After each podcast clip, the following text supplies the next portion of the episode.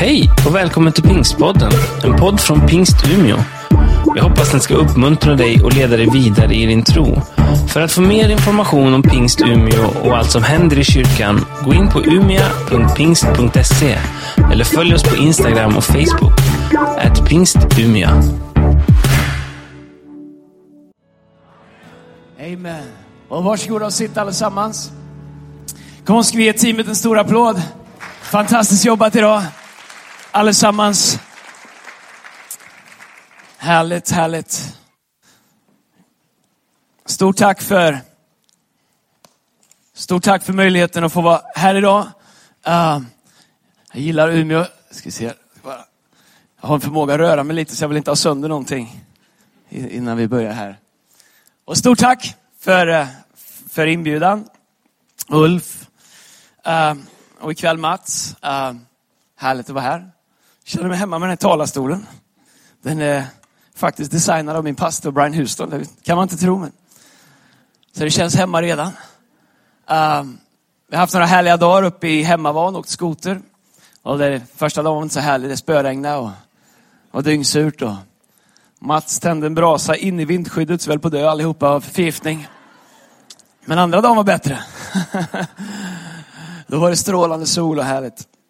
Jag måste säga att jag har enorm eh, uppskattning och eh, kärlek till er pastor Ulf. Vi sitter med i något som heter pingstreferens.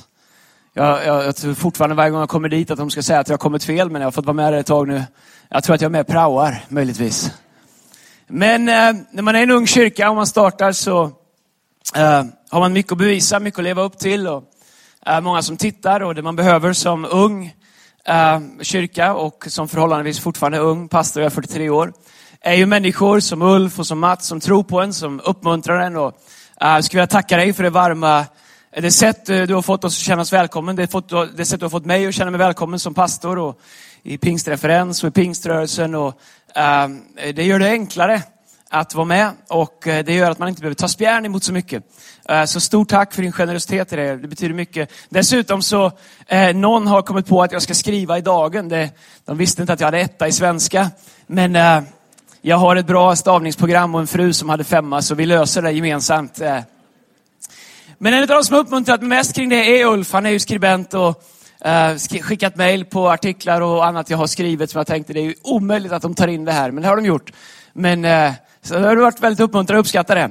Och Mats har jag känt i många år och uh, ser fram emot att vara där ikväll. Kom dit ikväll allesammans så ska vi ha ett old school uh, väckelsemöte ikväll i Jesu namn. Amen. All right. Well, uh, min fru Lina är hemma. Hon talar i någon av våra eh, campusar idag. Jag har varit gräsänkling innan jag kom hit, så jag har varit här för att vila upp mig lite extra. Jag var, hade ensamt ansvar för våra två döttrar i, i nästan tio dagar. Det är ett stort förtroende. Jag fick en matlista, nu tror ni att jag är från ett annat århundrade. Min fru säger att jag är från 40-talet, men det är jag inte. Men jag fick matlistor och scheman och grejer och sådär, så vi har bra koll. Det enda var att samma dag som min fru åkte till Sydney för att jobba så kom min yngsta dotter som är tio år på att hon skulle bli vegetarian. Så jag googlade, vad äter en vegetarian? Det kommer bilder på, på massa grönt och sådär. Eh, och, och, jag är ju eh, bonde från början, så jag har ju tre frysar full med kött hemma. Jag har precis köpt en kviga och styckat hemma. Och, eh, tänkte, vad ska, vad ska hon äta, människan? Hon gillar ju inte något heller, hon gillar ju inte ens grönsaker, så jag vet inte hur hon hade tänkt det. Men hon hade sett en film någonstans i skolan om djurvård och annat, när det inte är så bra. Så, men vi löste det. Hon hade länge velat ha en hamster, så vi gjorde en deal. Om hon bara äter nötkött så får hon en hamster. Så hon var inte så övertygad vegetarian att det inte gick att lösa. Så vi har klarat oss bra hela veckan som var här. Um, men uh, om du nu är vegetarian, bli inte arg på mig. Jag har all respekt för dig. Jag vet bara inte vad du äter. Om du vill ha en titel på dagens predikan så heter den Vem får din röst? Och det kan man ju predika om nu så här när vi äntligen har fått en regering. Eh, eh halva mandatperioden in så har vi fått någon form av lösning. Men det är inte ett inlägg i den politiska debatten. Men jag har funderat ganska länge på eh, vad som får min röst. Vad vi, vad vi ger våran röst till. Eh, när vi läser Bibeln så inser vi att det, det vassaste verktyg vi har är våran röst. Bibeln säger att det är vassare än ett svärd att det är mer verksamt än, än arméer. Att den största tillgången som Gud har gett dig är din röst, är ditt tal.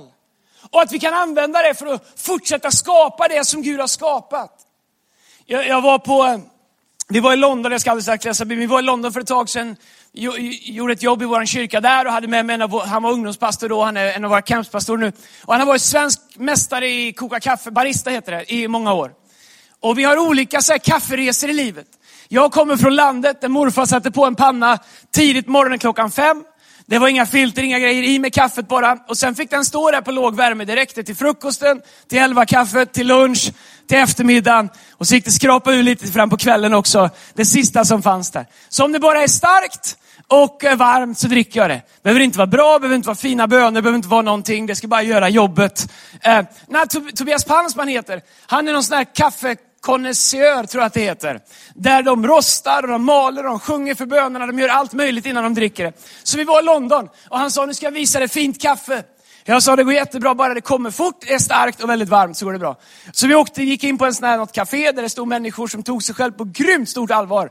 Och de kokade kaffe och då jag skulle välja bönor och grejer och jag får ta det starkaste du har bara, mal ner det och sätt på det. Det går jättebra. Men det gick inte, utan de de skulle väga och mäta och, och, och, mala och greja och jag höll ju på att dö av koffeinbrist innan vi ens fick kaffe. Och sen så hällde de det genom något, jag tror att det hette V60, jag trodde det var en bil, men det finns en kaffeteknik som heter det. De hällde i bönor och vägde och det var lite för mycket och han stod och röste i ur. Sen hällde han långsamt halvljummet vatten över det här. Och när det rann igenom så såg man ju rakt igenom hela kannan. Jag sa, på, på med mer bönor, så här. Nej, nej, nej, sa han. Absolut inte. Så här ska det vara. Jag sa, det är ju te. Det är ju inte ens... Jag ser ju genom hela kannan. Jag ser ju rakt ner i botten på koppen. Har ni någon näskaffe eller något man kan spä ut med? Det hade de inte. Och jag drack det där. Det var väl inte så speciellt, men det är det säkert, men jag kan ju inte det där. Men du sa Tobbe Palm, du måste vänta, smaken kommer efteråt. Och jag väntade och jag väntade. Och jag drack och jag drack. Men han sa, smaken kommer efter smaken som är grejen. Och jag tänkte på det där kaffet när jag studerade Jakobs brev. Och jag funderar på vad är eftersmaken av ett möte med mig? Vad är eftersmaken? Vad lämnas kvar efter ett möte när människor träffar oss? I Jakobs brev kapitel 3, vers 2. Vi ska läsa tio verser i rad. Om någon har slarvat med andakten i veckan så löser vi det här med tio verser. Om någon kan behärska sin tunga så visar han att han har fullständig kontroll över sig själv på alla områden. Vi kan få en häst att vända och gå dit vi vill genom ett litet betsel i hans mun och ett litet roder kan styra fartyget precis dit styrmannen önskar även om vindarna är starka. Tungan är inte stor. Men tänk vilken fruktansvärd skada den kan åstadkomma. En stor skog kan bli övertänd av en enda liten gnista. Tungan är en eldslåga, den är fylld av ondska och den förgiftar varje del av kroppen. Tungan tänds av helvetet själv och kan förvandla våra liv till en flammande eld som vållar förstör, förstör, förstörelse och olycka. Människor har tämt eller kan tämja alla slags däggdjur och fåglar, ormar och fiskar. Men ingen människa kan tämja tungan. Den är alltid beredd att sprida sitt dödliga gift. Ena stunden så lovprisar den vår himmelske far och nästa stund så svär den ve och förbannelse över människor som är skapade till Guds avbild. Ur samma mun kommer alltså både välsignelse och förbannelse. Kära bröder, gäller systrar också, det kan naturligtvis inte vara rätt. Inte ge väl en källa först friskt vatten och sedan bittert vatten. Inte kan man plocka oliver från ett fikonträd eller fikon från en vinstock. Nej, inte heller kan en salt källa ge sött vatten. Så David, Jakob, han, Jakobs brev talar om våran tunga. Jag vet inte om du har jobbat på, på landet någon gång, om du är uppvuxen med djur, men man kan styra djur. Man kan ta en stor tjur och, och ta tag i mulen på den och få den att följa efter och gå dit man vill. Därför att det är någonting som händer. Genom ett betsel kan man styra en häst. Men Bibeln säger att tungan är starkare än allt det. Alla bränder som var uppe i norr i sommar startades av en enda liten gnista. Någonstans började med en liten gnista och Bibeln säger att våran, våran tunga är som en gnista, beredd att tända upp eldar hela tiden. Och, och vi ser vilken makt tungan har. Och Ordsboken 21 och 23 så står det, den som vaktar sin mun och sin tunga bevarar sitt liv för svårigheter. Tänk om någon hade sagt det till mig när jag växte upp. Vad många rektorsbesök jag hade sparat mig. Ordspråken 18 och 21 så står det, tungan har makt över död och liv. Den som gärna brukar den får äta dess frukt. I Ordspråken 25 och 25 i en engelsk översättning som heter New King James så står det, as cold water to a weary soul, so is good news from a far country. Bibeln säger det, as, as cold water to a weary soul. Som kallt vatten för en trött själ. Så är goda nyheter. Att tungan har makt att vara som kallt vatten för en törstig själ eller för en trött själ. Vilken kraft det finns i vad vi säger om oss själva, till oss själva, till varandra, om varandra och hur vi använder våran tunga. Ett bibelord till innan vi dyker in i det här är från Jesaja 52, vers 7. Ännu ett engelskt bibelord, är det sista jag lovar. Men det står så bra på den här engelska översättningen. Det står, How beautiful up on the mountains are the feet of him who brings good news. Who proclaims peace, who brings glad tidings of good things, who proclaims salvation and says to Zion, your God reigns. It says, how beautiful Up on the mountains are the feet of him who brings good news. Uh, Svenska översättningen säger, hur ljuvliga är fotstegen av den som kommer med goda nyheter. Vad tänker man när, när du kommer? Vad tänker man när jag kommer? Vi har alla de där människorna i vårt liv, så bara när man ser dem så tänker man, åh nej. Och ser man dem i foajén så gör man åtminstone ett försök att gå ut med väggen. Därför att man vet hur konversationen kommer vara.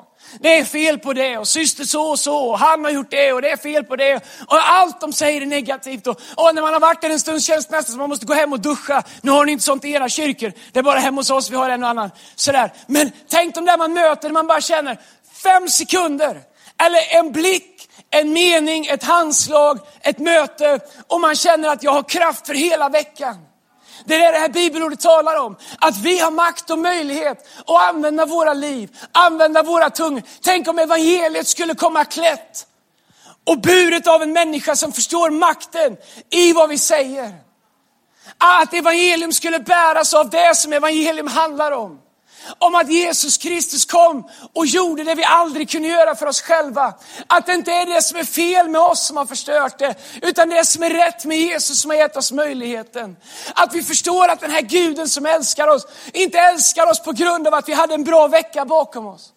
Utan att långt innan vi bestämde oss för vad vi skulle göra med Gud, så bestämde han sig för vad han skulle göra med oss. Han bestämde sig för att älska oss när vi inte ens trodde på honom. Han bestämde sig för att ge oss det bästa när vi inte ens visste att vi behövde det, eller trodde att vi, vi ville ha det. Han bestämde sig för att rädda en rövare som hängde bredvid honom, som bara bad om en tanke, men han gav honom en evighet. Tänk om våra tal skulle bära ut ett evangelium som handlar om att Gud inte är ute efter att exponera det sämsta hos dig. Han vet det där, men även han visste det så bestämde han sig för att du är värd att satsa på. Du är värd att älska, du är värd att bevara, du är värd att, att göra hel igen, du är värd att upprätta. Gud är en Gud som ser allting men ändå säger, allt jag har är kärlek. Och vi har möjligheten att låta våra liv fyllas av den kärleken, den bekräftelsen, den vetskapen. Att även de dagarna när jag känner, jag räcker inte till som kristen. Jag räcker inte till som man. Jag har fått en fru som jag aldrig kan förtjäna. Jag räcker inte till som pappa. Jag är inte den pastor min kyrka behöver. Jag har inte svaren på frågorna som ställs. Men vet att det är inte det som gjorde att Gud valde att älska mig. Det är inte det som gjorde att han kallade mig. Det är inte det som gjorde att han stannade kvar hos mig. När han bestämde sig innan jag bestämde mig. Det enda jag har gjort är att respondera till hans oändliga nåd och villkorslösa kärlek. Och när det blir ledmotivet över våra liv så börjar det färga och påverka våra tal. Det innebär att det spelar ingen roll vad jag inte gillar i kyrkan. Det var inte därför som Jesus kom för mig. Det spelar ingen roll vilka människor som förolämpar mig. Därför att jag har en Gud som har stått ut med mina förolämpningar. Min bekräftelse, min identitet kommer ifrån en villkorslös kärlek och bekräftelse från en Gud som aldrig lämnar mig, som aldrig sviker mig. Det innebär att jag behöver inte respondera till människor utifrån vad jag tycker de förtjänar, utan jag kan bara ge vidare det jag upptäckt att Gud har gett mig, som jag inte förtjänar. Bibeln talar om att vi är bärare av goda nyheter. Att ledmotivet i våra liv är evangelium, det betyder goda nyheter. Att det borde sägas om oss när vi kommer till fikarummet, nu kommer goda nyheter. Nu kommer uppmuntran, nu kommer upplyftande ord, nu kommer bekräftande ord av kärlek. Det innebär att den mest upprättande, bekräftande miljön som finns borde vara Guds hus. För här samlas alla vi som under veckan sänds ut som agenter till våra skolor och arbetsplatser med munnar och tungor fyllda av liv, fyllda av bekräftelse, fyllda av helande, fyllda av upprättelse. Det här borde vara som en tryckkokare där man bara känner att säg ingenting bra till mig mer för då exploderar jag. Och det sista det borde vara, har du hört talas om Pettersson? Men du förstår, bara några reflektioner om vad våra tal är. Talet är den starkaste kraft som finns. Det är starkare än någonting. När vi läser Bibeln ser vi att Gud har inget starkare än talet. Det är det starkaste vi har. När Gud ska skapa himmel och jord, när han ska skilja vatten från, från, från land, så säger han, var det ljus och det blir ljust. Och han talar, till, han, han talar till skapelsen så att den blir. Hela första Mosebok kapitel 1 så börjar med, Gud sade, Gud sade, Gud sade, Gud sade. Och det blev och det blev och det blev. Och när Jesus såg Lazarus så sa han, Lazarus kom ut. Och det var tur att han sa Lazarus, för det är sån kraft i hans tal. Så hade han inte sagt att det gällde Lazarus, så hade varenda döing i hela Israel kommit ut ur graven läpparna. Sån kraft är det när Jesus talar. Och när han hängde på korset, när han sa, Fader, det är fullbordat. Så bröt synden och förbannelsen över våra liv för all framtid. Och så säger han att samma ande som uppväckte Kristus från de döda bor i oss. Och när vi talar vad Gud talar så finns det samma kraft i våra tal som i Guds tal. Jag tänker på när David, jag måste hålla, mitt svåraste det är att hålla mig till predikan alltså. Det pågår så många predikningar här uppe samtidigt så jag måste hålla mig till en. Men, eller röster, jag vet inte vad det är. Men jag tänk på när David står inför Goliat. Saul sa till honom, du är för liten, du är för dålig. Hans pappa sa, du är inte ens värd att räknas med när profeten Samuel skulle komma och välja vem som skulle bli kung. De räknade inte ens med David, han var ute med fåren. Här kommer han för att lämna smörgåsar och pitepalt till, till eh, eh, soldaterna som ska stå där och slåss.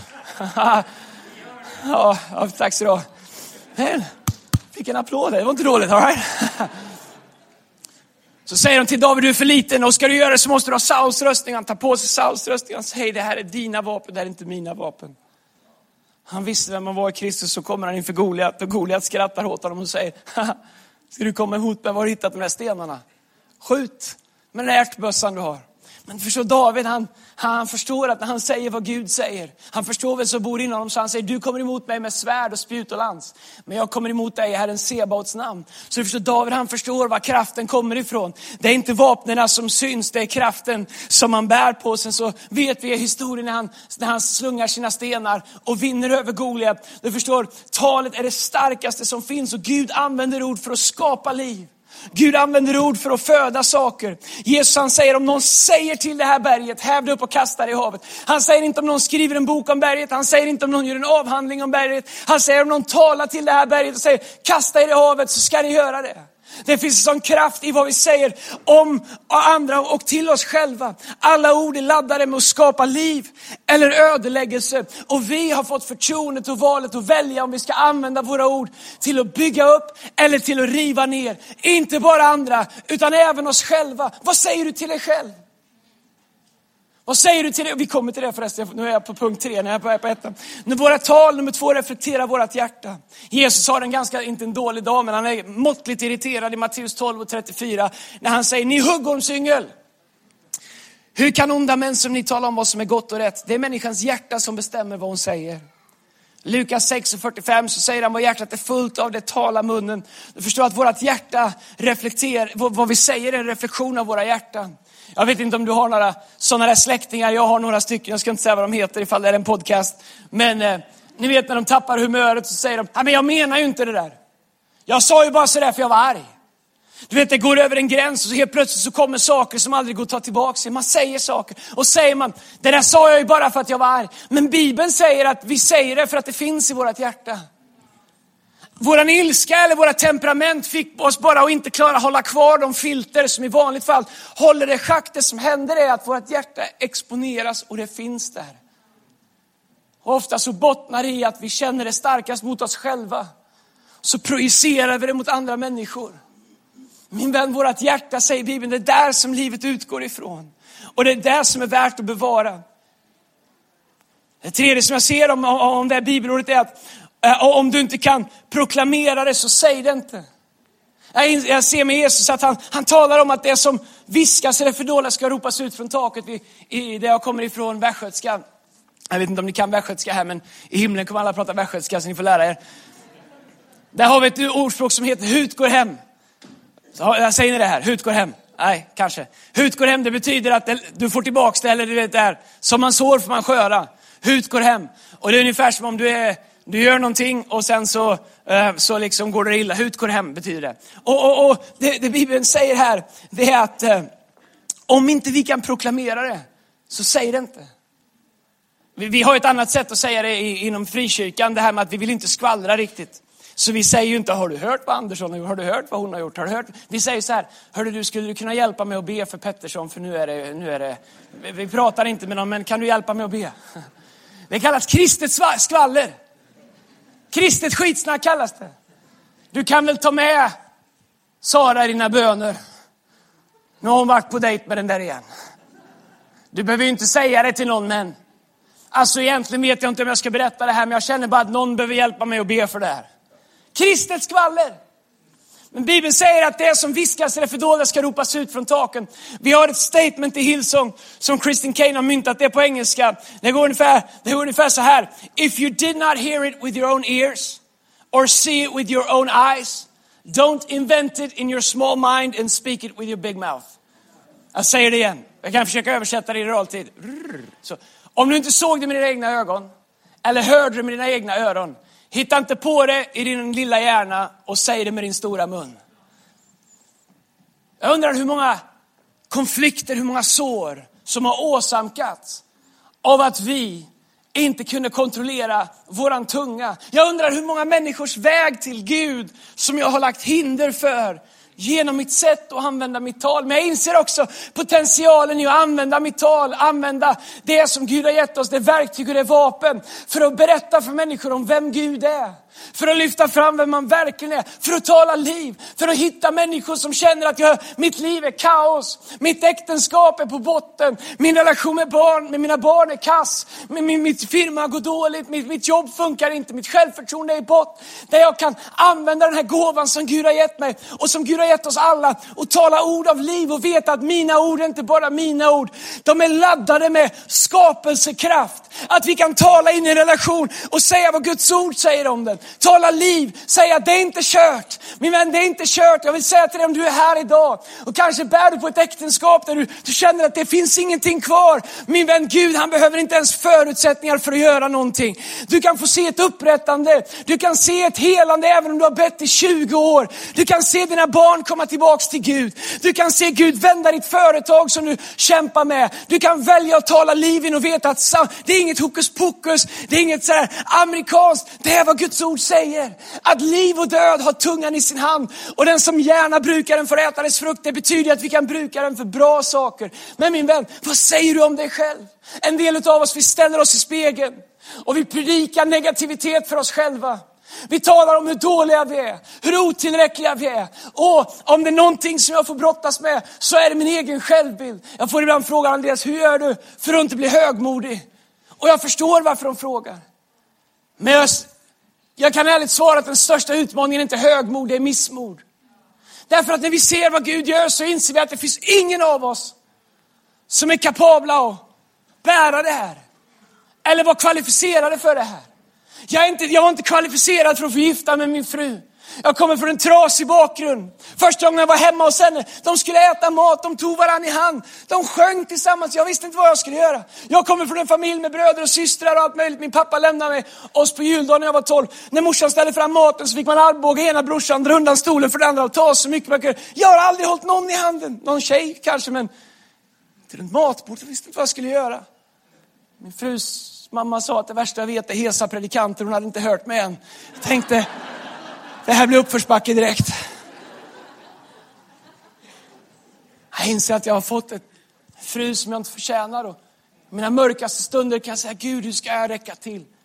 Men så inser jag att jag kan använda samma spegelbild som predikar negativitet, som talar om sina, mina brister för mig. Och jag kan predika tillbaks till den och säga det är möjligt att jag inte är allt jag skulle vilja vara. Det är möjligt att jag inte är allting som jag har potential att bli. Men du ska veta en sak, jag är bättre idag än vad jag var igår. Jag kanske inte är allting som jag vill bli än. Jag kanske inte är allting som jag har potential att bli. Men tack gode Gud att jag inte är det jag brukade vara. Jag är bättre idag. Därför att hans nåd verkar i mig idag. Hans trofasthet var med mig idag också. Solen gick upp med läkedom under sina vingar för mitt liv idag också. Och den här morgonen var hans nåd ny för mig också. Det innebär att den är där för dig också. Liv och död har tungan i sin hand. Du kan tala liv i dina egna omständigheter. Vet du vad, ibland, nu har, jag, nu har min iPad runt min bibel, den är inte lika bra att vifta med. Men vet du, ibland så behöver man bara gå upp på morgonen, ta sin bibel, gå och ställa sig i spegeln och läsa vad evangelium säger att jag är. Och inse att den här boken är på riktigt, den är för mig. Jag är vad Guds ord säger att jag är. Jag har vad Guds ord säger att jag har. Jag kan göra vad Guds ord säger att jag kan göra. Alla Guds löften gäller mig. Han, har, han som har varit trofast innan, han kommer vara trofast idag. Och helt plötsligt så inser vi att det här är ingen så hjälp dig själv teknik, utan helt plötsligt så börjar jag säga om mig själv vad Gud har sagt om mig hela tiden och försökt få in i min trånga lilla hjärna att han lovat att vara trofast. Att han inte letar efter färdiga produkter utan att han tar brustna kärl och de släcker han inte ut utan att han ger dem liv. Så också med dig. Säg min tro är inte vad den borde vara. Nej, men Guds tro på dig den är vad den alltid har varit. Den vacklar aldrig. Den sviker aldrig. Den överger aldrig. Han slutar aldrig hoppas, han slutar aldrig be, han slutar aldrig se. Han lämnar dig aldrig, han överger aldrig. Det andra jag ser i den här texten det är att bestäm dig för att använda ditt tal för att söka det bästa hos andra människor. Jag måste börja avrunda, jag har inte ens kommit till mina riktiga punkter men ni får väl bjuda tillbaks mig. Eller så tar vi andra halvlek i, i, i Hope ikväll. Så, så gör vi, kom ikväll så tar vi andra halvlek där. Hey, Paulus han är på väg att runda av sitt brev. Det som vi kallar för Filippi-brevet. Jag tycker det är intressant med Paulus, bara en passus här. Vi, Paulus, vi tänker honom som den stora aposteln. Paulus betyder den lille. Man säger om Paulus, när vi läste dina brev så trodde vi att du var en mastodont. Han målade med stora penseldrag när vi läser evangeliet, nej inte evangeliet, när vi läser hans brev. Han skrev två tredjedelar av nya testamentet och han skriver ju så att åskan dånar när man läser hans brev och så står det när du kom så det var inte så mycket att se på. Det är som en kontaktannons där de har lagt upp en, en, en, profilbild som var retuscherad och fixad och de har lämnat in den och de har gjort till och sen så första dejten så undrar man, var det där du? Så var det med Paulus när han kom. Dina ord var stora men du såg inte så mycket ut för världen. Hans namn betyder den lille. Men han är inte den lille när han tjänar Gud. Han är inte den lille när han skriver, när han, men, men han skriver i sitt brev till Filipperna. Filipperbrevet är magiskt, jag älskar det, läs det när du kommer hem. Men han skriver i kapitel 4, vers 8, så skriver han så här. Låt mig säga en sak till innan jag slutar detta brev. Det är som att, låt mig bara säga vad som är det viktigaste av allting. Och han har gått igenom viktiga saker, tro mig.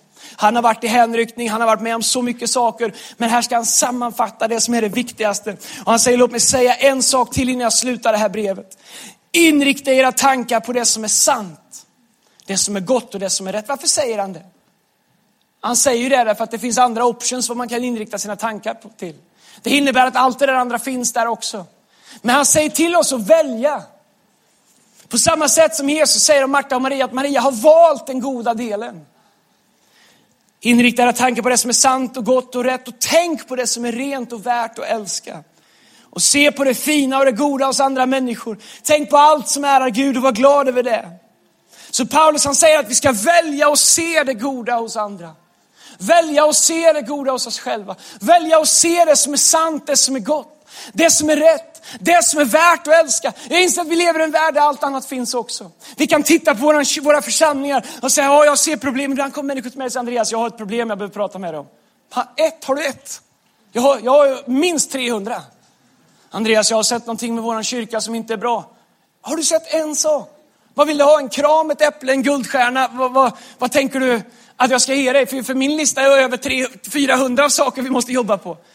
Det är inte det att vi inte, att vi inte vill ta tag och jobba eller att vi har liksom, man inte får göra det. Det är klart man får göra det. Men, men, men det jag säger är, tänk om vi skulle bestämma oss i våra lokala församlingar, i de, våra team, i, hos våra ledare, hos våra medarbetare, i våra, på våra arbetsplatser, hos din chef som du inte gillar, i din skola, hos en lärare som inte förstår dig. Eh, vart än, om vi skulle bestämma oss för att söka efter det som är sant.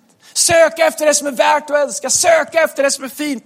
Att det är våran, eh, att det är liksom vårat, det är vårat grundmode. Att vi letar efter det som är värt att tala liv in.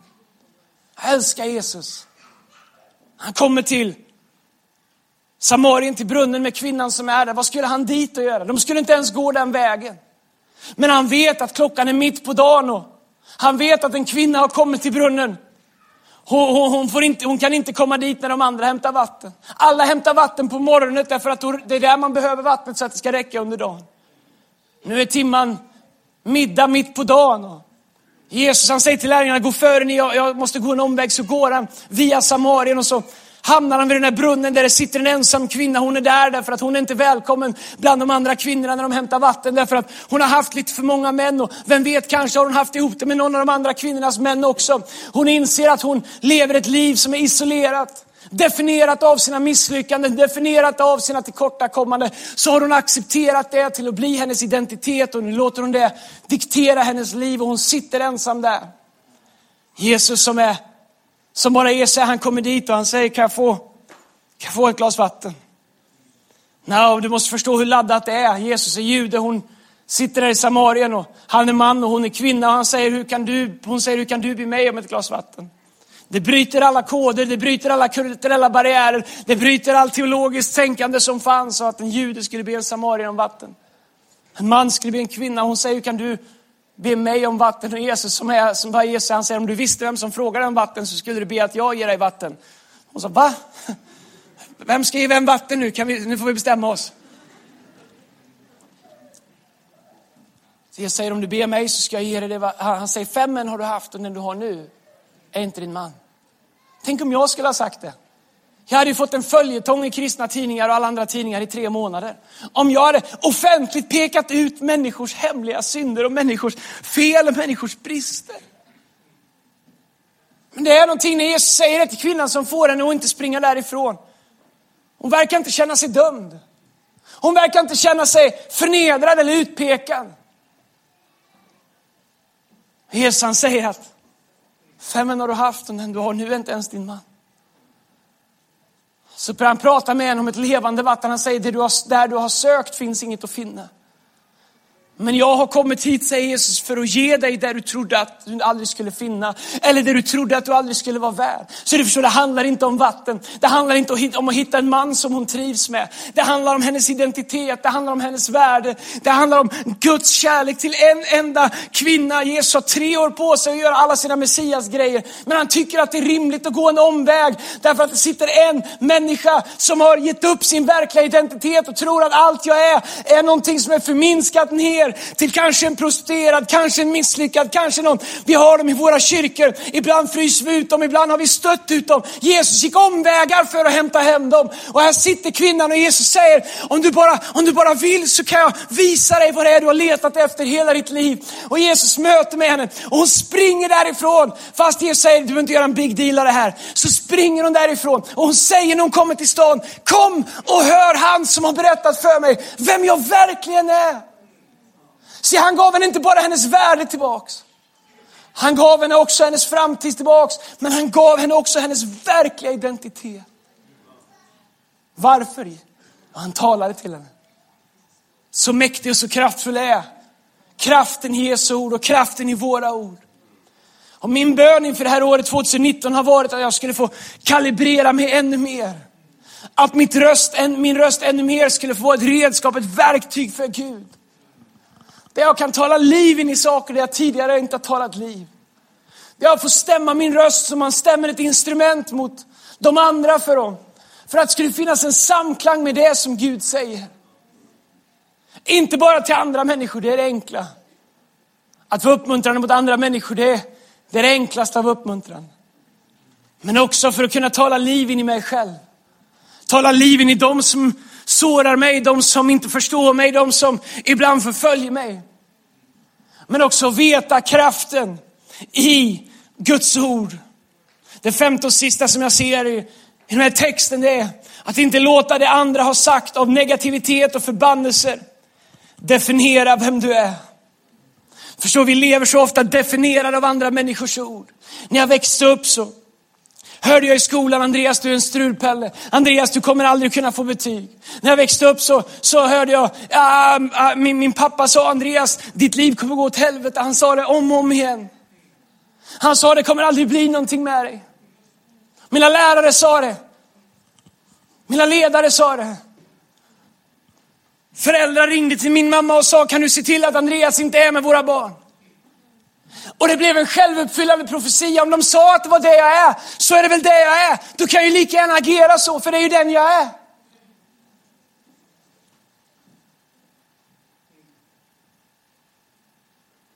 Trasig, brusten, mästa på insidan, fast slick på utsidan. Mötte jag Jesus. Den Jesus jag hade vuxit upp med i, i, i min pingkyrka, där farfar var pastor och pappa hade varit sångledare innan hans liv förstördes. Den tro jag aldrig kunnat släppa, den Jesus jag aldrig kunnat släppa. Helt plötsligt så är jag i USA och jag möter honom på ett möte och jag får mitt liv förvandlat och hamnar i en miljö där de börjar säga andra saker till mig. De säger saker jag aldrig har hört och jag inser att jag kan ju bli det där.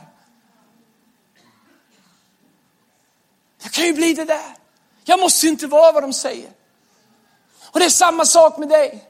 Kanske gick ditt äktenskap sönder, men vi har en regel i Hillsong. Det är att vi har inga ex någonting. Vi har inga ex-kriminella, vi har inga ex-män, ex-fruar, vi har inga ex-företagsledare, vi har inga ex, eh, ex någonting. Därför att vi vägrar att definiera människor utifrån var de kommer ifrån. Därför att om Bibeln säger att hans nåd är ny varje morgon, hur skulle vi våga sätta en etikett på en människa som definierar dem utifrån vad livet tidigare har varit? Nej, du förstår vad kyrka är. Kyrka är en plats där det förflutna förflutna suddas ut. Där det inte längre hålls emot oss. Där vi inser att jag behöver inte vara det jag har sagt att jag var. Jag behöver inte vara vad, vad, vad min tidigare pojkvän sa att jag var. Kanske lämnar du en relation och, och din partner sa du kommer aldrig kunna ha en relation. Och du har försökt och du har försökt och du har börjat acceptera att du kommer aldrig ha en relation. Vet du vad, Gud har något annat att säga till dig. Jesus har något annat att säga till dig. Den heliga ande, samma ande som uppväckte Kristus från de döda, har en annan kraft att ge dig. Det kan du visst det. De sa att jag aldrig skulle lära mig engelska. Jag ska sluta nu om ni undrar. De sa att jag aldrig kunde lära mig engelska och det gjorde jag inte heller. Jag var aldrig där. Det var så tråkigt på lektionerna. Min fru Siggan, hon var fantastisk. På, min fru, min lärare. Hon, Gode Gud att det inte gick den vägen. Min, min, min engelska lärare, hon hade stort hjärta för mig. Jag var aldrig där. Hon sa att du kommer aldrig lära dig engelska. Hon kom hem cyklande en dag när jag var tonåring. Gick i nian tror jag. Jag vaknade en lördag morgon av att hon hängde över min säng. Och min mamma var bredvid och tittade ner på mig. Jag tänkte, det här kan inte vara en... Det här, är det en dröm? Men som 15-åring så hade man andra sorters drömmar än Siggan. Och, eh, och mamma säger, Sigrid är här och hon har erbjudit dig att komma hem och få special engelska lektioner hos henne på lördagar. Jag sa, men om jag inte går på de lektionerna jag måste, hur tänkte ni att jag skulle gå dit på lördagar? Så jag tackade nej. Efter att ha blivit kommit tillbaka till Gud som 20-åring i USA. Blivit praktikant och hjälpreda och sen till slut, eh, efter många år ungdomspastor i, i, i, ungdomar och college allt möjligt i USA, pratade flytande engelska. Jag lärde mig engelska, jag hittade en fantastisk engelsklärare. Eh, mina engelsklärare blev eh, eh Eh, eh, eh, Rambo, eh, Arnold Schwarzenegger, Steven Seagal, Jean-Claude Van Damme. Jag kollade på actionfilmer och så parade ihop eh, liksom svenska orden med vad de sa. Enda grejen var att jag hade, kunde massa dåliga ord som de sa jag inte fick säga. Men jag lärde mig engelska. När jag kom hem så träffade jag Siggan på ICA. Jag var hemma och hälsade på en jul efter att ha bott flera år i USA. Och hon sa, Andreas jag har inte sett dig på länge. Hur är det med dig? Hon trodde jag hade suttit i fängelse. Hon sa, hur är det med dig? Jag sa, det är bra med mig. Hur är det med dig? Ja, det är bra. Hur har det gått? Jo, det går bra. Vart har du varit? Ja, jag bor i USA. Jag kunde lika gärna sagt det när jag flyttat till Mars. För hon vet att hon måste prata engelska i USA. Och hon sa det är omöjligt. Jag sa varför då? För du kan ju inte engelska. Du är den enda elev som jag aldrig kunde lära engelska. Och jag vet, du sa det varje lektion så jag kommer ihåg det. Hon sa, vad jobbar du med? sa hon. Eh, jag visste ju att det här blir inte bättre. Jag sa, jag är pastor. Hon sa, det är omöjligt, då måste du ju prata. Han sa, men jag, det du inte kunde göra, det löste Jackie Chan. Nej, det sa jag inte, jag tänkte det. Men, eh, förstår du, det var inte fel på min förmåga att lära mig engelska. Det var bara fel på vad jag sa om mig själv. Och när jag började bestämma mig för att säga till mig själv det Gud säger om mig, så inser jag att om Gud inte har satt några begränsningar, om Gud kan ta det som ingenting är och göra någonting av det i mitt liv, så kan han göra det i alla människors liv. Så också i ditt liv min vän. Oavsett vart du har förlorat, oavsett vart du känner att du skulle behöva att Guds liv får börja växa igen. Så är jag här idag för att säga till dig, det är aldrig för sent. Han som har startat ett gott verk i dig, han är trofast och rättfärdig. Han ska fullborda det, även inte Kristi dag. Så också i ditt liv. Gud har inte tagit dig ända hit för att överge dig, för att lämna dig. Han lämnar dig inte på dina dåliga dagar. Han lämnar dig inte när din, när din tro gungar. Han har sagt att han ska vara med dig alla dagar, inte tidens slut. Och han är densamme igår och idag och i all evighet. Och det han säger, det måste han hålla fast vid. Han säger himmel och jord ska förgås, men mina ord ska alltid bestå. Gud är en Gud som är för dig, Gud är en Gud som är på din sida, Gud är en Gud som älskar dig. Och Gud är en Gud som vill använda dig och använda din mun och tala liv in i dina människor, människor som du har runt omkring dig. Ska vi böja våra huvuden och sluta våra ögon när vi sitter? Jag skulle vilja be en bön. Innan vi lämnar över mötet.